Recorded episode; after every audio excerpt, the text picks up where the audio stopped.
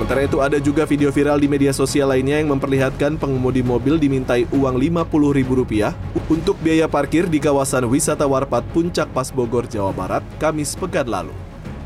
Wisatawan ini menyebut sempat mengunjungi toko di sekitar lokasi sehingga diminta membayar uang parkir kendaraan.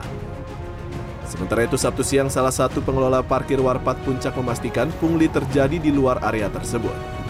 Tarif parkir Warpat tak lebih dari Rp10.000 untuk mobil dan Rp2.000 untuk sepeda motor. Pengelola parkir menduga pungli terjadi di area Kabupaten Cianjur lantaran kawasan tersebut merupakan perbatasan Puncak Pas dan Cipanas. Kalau mobil khususnya sih tergantung yang ngasih. Kalau dia nanya berapa, yang paling besar itu sepuluh ribu om kalau di atas. Tapi sudah dipastikan bahwa itu bukan di lokasi Warpat ya kejadian itu. Yang waktu kejadian itu bukan di lokasi warpat om. Warga dan wisatawan puncak mendesak Pemda setempat segera melakukan penertiban serta menindak calo dan tukang parkir liar yang dianggap meresahkan. Tim Liputan CNN Indonesia